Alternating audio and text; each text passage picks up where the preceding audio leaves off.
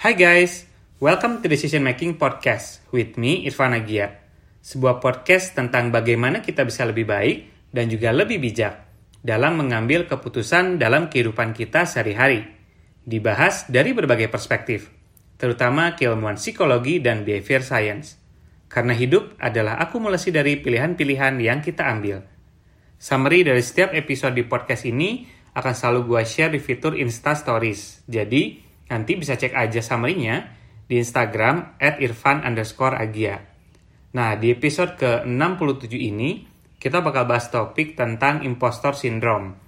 Nah, pernah nggak sih teman-teman itu ngerasa ketika dapat suatu pencapaian gitu ya, terus mikir, kayaknya gue nggak pantas deh buat dapetin ini, dan lo genuinely believe kalau ini tuh pure cuma luck aja, atau cuma keberuntungan aja.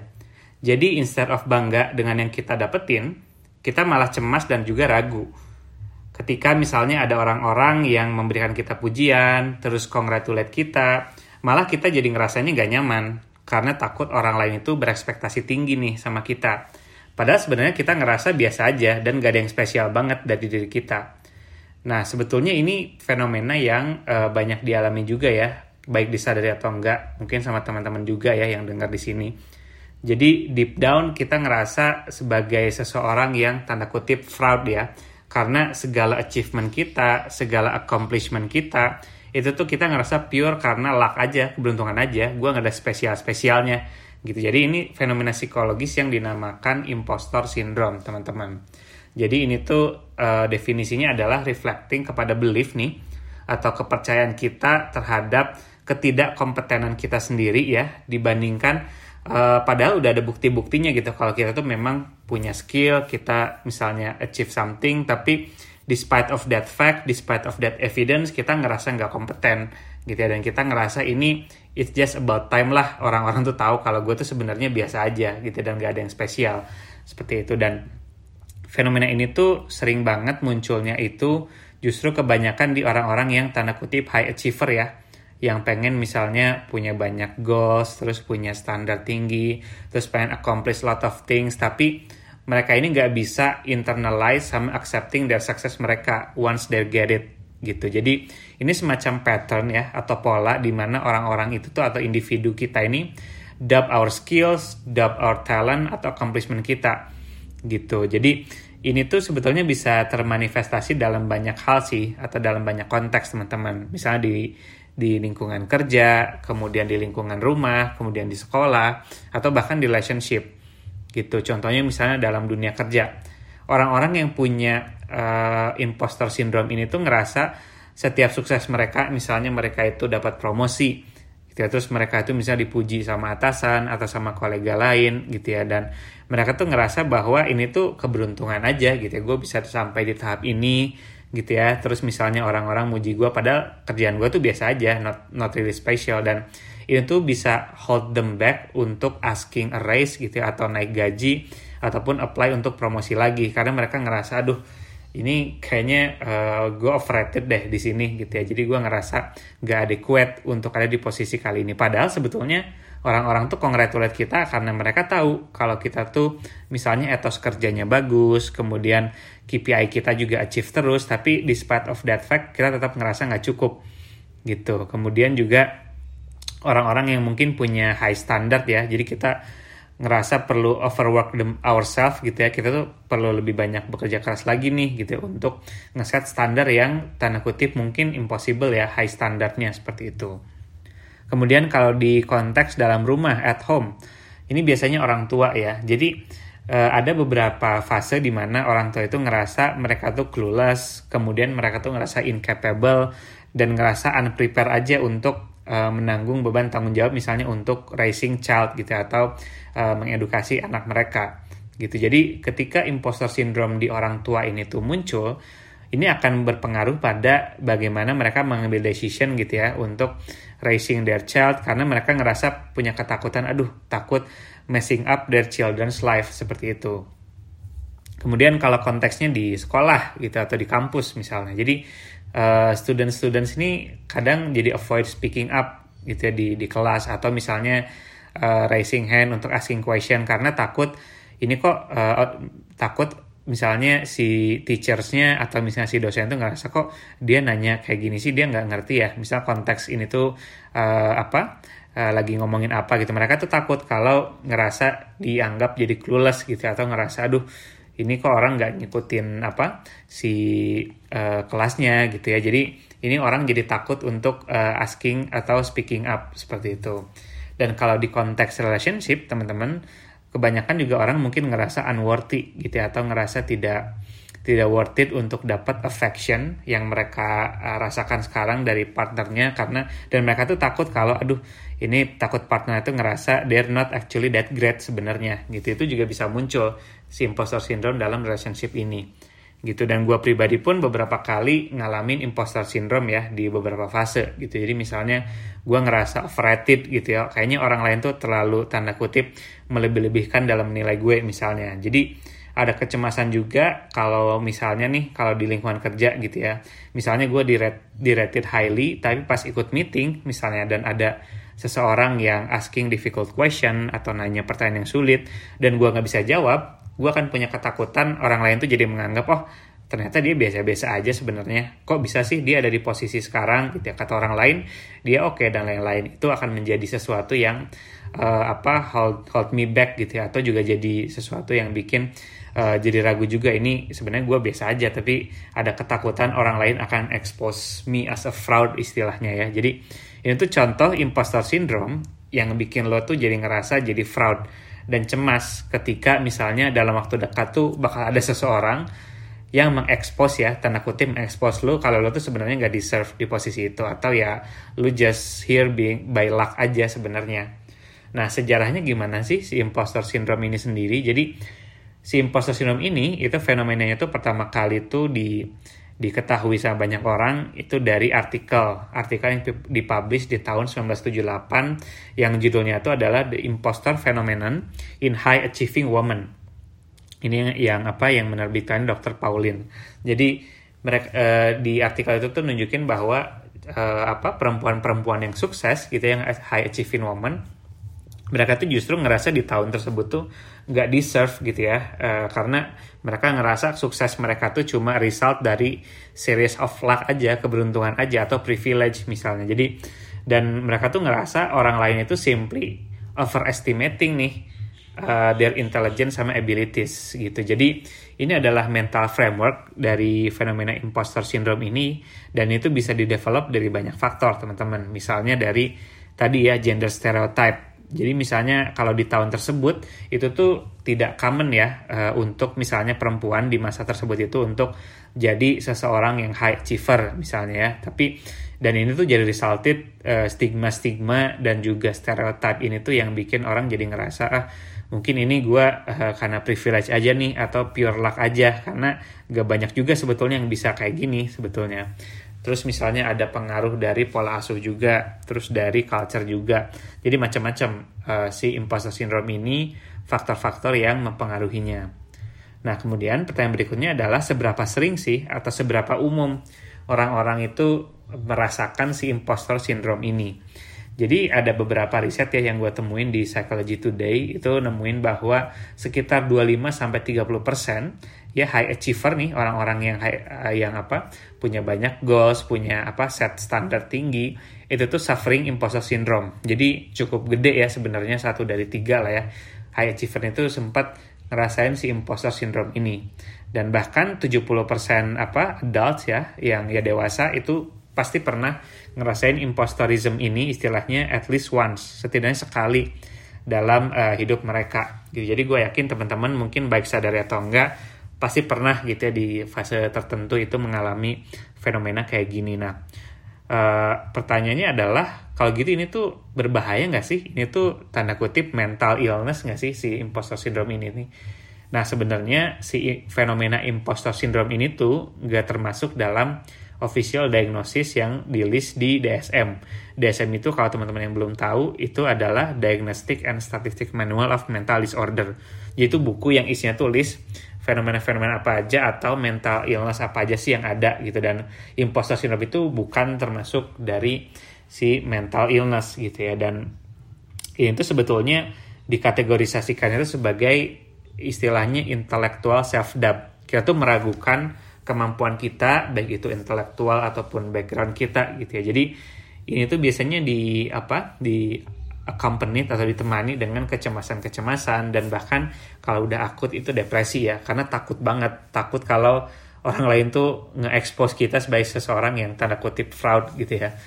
Nah jadi uh, sulitnya untuk nge-track si imposter syndrome ini adalah karena kebanyakan orang yang ngerasain si imposter syndrome ini tuh suffer in silence. Mereka tuh nggak bilang-bilang gitu ya ke orang lain bahwa uh, aduh ini gue tuh takut misal orang lain tuh uh, apa ngerating gue terlalu tinggi gitu ya. Padahal gue biasa aja kemudian gue ngerasa nggak deserve. Mereka tuh kebanyakan suffering in silence sebetulnya. Jadi most people don't talk about it dan apa karena kalau mereka talk about it mereka akan semakin meningkatkan ketakutan atau kecemasan mereka untuk lebih cepat untuk di found out gitu ya tanda kutip istilahnya nah jadi eh, intinya adalah itu tuh bukan uh, apa diagnosis of medical problem tapi a pattern of thinking gitu ya. Jadi pola pola doubt gitu ya keraguan yang bikin kita tuh jadi self doubt negative self talk gitu ya dan bikin kita tuh nggak mau ambil opportunity nah melanjutkan lagi tadi kan sempat dibahas sedikit ya apa aja sih yang faktor-faktor yang berkontribusi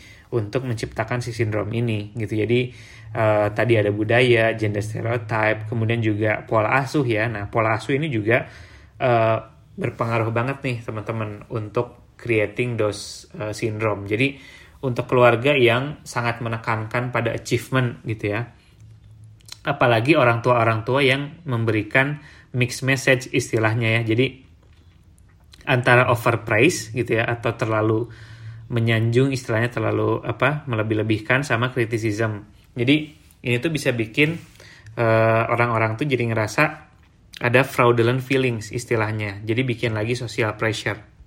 Nah, apalagi di di society kita yang punya huge pressure untuk kita tuh achieve something. Gitu ini juga bakal berpengaruh dengan kita jadi meragukan nih gitu ya si progres kita, kemudian skill kita dengan standar dari si society ini dan menariknya adalah si fenomena imposter syndrome ini pun juga akan lebih common dirasakan oleh orang-orang yang baru tanda kutip memulai petualangan baru lah ya atau istilahnya embarking on new endeavor. Nah, jadi gue juga dulu waktu dapat apa beasiswa LPDP gitu dan kuliah di Belanda itu juga ngerasakan si imposter syndrome itu gitu. Jadi ngerasa aduh ini gue deserve nggak ya sebenarnya uh, bisa kuliah sampai sini gitu ya. Pas gue juga ngerasa sempat beberapa fase waktu kuliah itu ngerasa nggak bisa keep up gitu ya dengan misalnya apa standarnya kampus, kemudian apa uh, the way I communicate with my peers gitu. Ya. Jadi kadang ngerasa aduh ini kayaknya gue belum deserve sebetulnya sampai di sini dan ngerasa uh, apa jadi fraud aja gitu istilahnya padahal sebetulnya kan uh, apa udah melewati beberapa seleksi gitu ya dan juga beberapa persiapan. Tapi tetap aja ada feeling seperti itu. Dan mungkin teman-teman juga yang baru memulai tanda kutip fase baru ya. Misal baru apa fresh grad gitu ya baru lulus kuliah mau cari kerja gitu ya. Terus misalnya baru apa memulai fase hidup baru. Itu uh, ternyata akan lebih common teman-teman untuk merasakan si fenomena impostor tersebut. Gitu. Jadi uh, kita tuh jadi ngerasa undeserved aja gitu ya. Ketika misalnya ada sesuatu yang praising kita atau kita tuh dalam situasi yang tanda kutip bagus gitu ya tapi kita jadi apa self doubt posisi kita sekarang. Seperti itu. Nah kalau gitu gimana sih cara kita untuk menghandle atau meregulasi si impostor feeling ini sebetulnya. Jadi uh, ada beberapa cara sebetulnya teman-teman untuk kita itu bisa meminimalisir si uh, imposter syndrome ini untuk bikin kita jadi terlalu negatif atau jadi sangat meragukan diri kita gitu. Jadi ini istilahnya bukan menghilangkan imposter syndrome, tapi lebih ke meminimalisir. Gimana cara kita meregulate emosi kita dan mindset kita ketika si imposter syndrome ini terjadi itu jadi imposter syndrome ini tuh challenge-nya adalah gimana caranya kita uh, changing our mindset sebetulnya terkait ability kita atau kemampuan kita. Kenapa? Karena imposter syndrome itu tuh sering kali ngerasa they don't belong gitu ya. Mereka ngerasa gue tempatnya tuh bukan di sini gitu. Gue nggak di se high ini gitu. Tidak se up ini. Harusnya orang-orang telah melebih-lebihkan. Ini tuh cuma keberuntungan aja.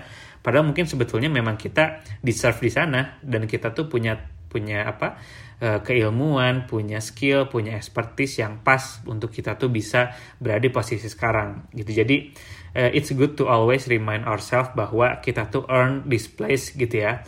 Uh, berdasarkan pengalaman kita atau juga academic achievement atau juga skill kita gitu ya jadi karena kebanyakan orang-orang yang terutama apalagi kalau kita tuh perfeksionis gitu ya kita sering kali put uh, pressure on ourselves untuk complete every task itu flawlessly gitu ya jadi kita takut kalau misalnya kita tidak perform sesuai yang diekspektasikan orang-orang Nah, makan akan makin besar tuh si apa imposter syndrome ini sendiri gitu. Jadi beberapa caranya adalah yang pertama recognize our expertise gitu. Jadi kita jangan misalnya selalu membanding-bandingkan expertise kita dan expertise orang lain gitu ya dan dengan cara kita misalnya sharing sharing ke orang-orang gitu ya. Terus misalnya tutoring atau working with younger student misalnya atau apa orang-orang misalnya subordinat kita atau fresh grade fresh grade misalnya ya itu akan ngerimain kita bahwa uh, and help us realize bahwa how far we've come gitu ya. Kita udah sejauh mana sebetulnya. Sampai kita tuh bisa sharing sesuatu yang kita bisa bagikan kepada orang lain gitu. Jadi itu juga salah satu hal yang bisa bikin kita remind ourselves dan recognize our expertise ini di mana sebetulnya. Kemudian yang kedua adalah always remember what we do well sebetulnya. Jadi kita juga harus uh, apa uh, be kind to ourselves gitu ya. Kita harus remember juga kita itu udah ngelakuin hal bagus apa aja apa aja hal yang udah kita apa sukses gitu ya dalam melakukannya. Dan ketika kita writing down things yang we are truly good at gitu ya dan kita juga bisa nulis juga tuh area mana yang might need work gitu ya. Jadi hal yang positif sama negatif. Itu bisa bikin uh, apa boundaries mana yang kita udah bagus sama mana yang bisa kita apa improve lagi itu lebih jelas sebetulnya. Jadi it can help us recognize uh, what uh, we are doing well sebetulnya. Dan juga ada room untuk improvement. Jadi akan lebih objektif teman-teman. Jadi nggak kita jadi ngerasa overthinking gitu ya. Aduh kayaknya gue nggak bagus di sini. Padahal kalau kita write down gitu ya list of things yang we are good at itu akan membantu kita untuk uh, apa cherishing our journey or experience dan apa aja yang sebetulnya kita udah lakukan dengan baik sehingga kita sampai di posisi saat ini. Nah, kemudian yang terakhir adalah please realize that no one is perfect sebetulnya. Jadi terutama dalam konteks misalnya uh, apa don't be too hard to ourselves lah ya sebenarnya. Jadi kayak urgency kita stop focusing on perfection ketika kita bekerja, ketika kita positioning ourselves. Jadi uh, do a task well enough gitu ya untuk ngerimain kita bahwa kita juga perlu appreciate uh, the fruits of our hard work sebetulnya. Dan ini pun sebetulnya uh, apa me memberikan kita pelajaran untuk learning to celebrate sebenarnya. Karena orang-orang yang imposter syndrome ini tuh sering kali lupa untuk uh, celebrate their small uh, success gitu ya along their journey. Jadi bikin mereka tuh ngerasa gapnya jauh banget gitu ya orang-orang jadi over apa overestimate kita. Ini tuh pure luck. Padahal kalau kita looking back ini sebetulnya adalah akumulasi dari small success small success yang kita dapatkan uh, along our journey sebetulnya. Oke jadi uh, itu untuk episode kali ini. Semoga bisa memberikan wawasan atau perspektif lain ya bagi teman-teman mengenai topik kali ini. Jadi uh, thank you buat teman-teman yang udah denger episode kali ini. Dan di episode selanjutnya gue bakal bahas topik tentang tough love ya Nah, jadi kita akan bahas banyak banget aspek tentang tough love ya di next episode. So, sampai jumpa teman-teman di episode ke-68. Kalau ada request atau masukan tentang feedback, kemudian topik-topik lain yang pengen dibahas, boleh banget email atau message gue di Instagram at irfan underscore agia. Dan kalau teman-teman ngerasa topik-topik di podcast ini berguna atau bisa memberikan wawasan yang baru, please do share it to others. Dan teman-teman juga bisa bagikan link konten podcast ini di Instagram. Because sharing is caring. Thank you teman-teman and see you in the next two weeks. Bye-bye.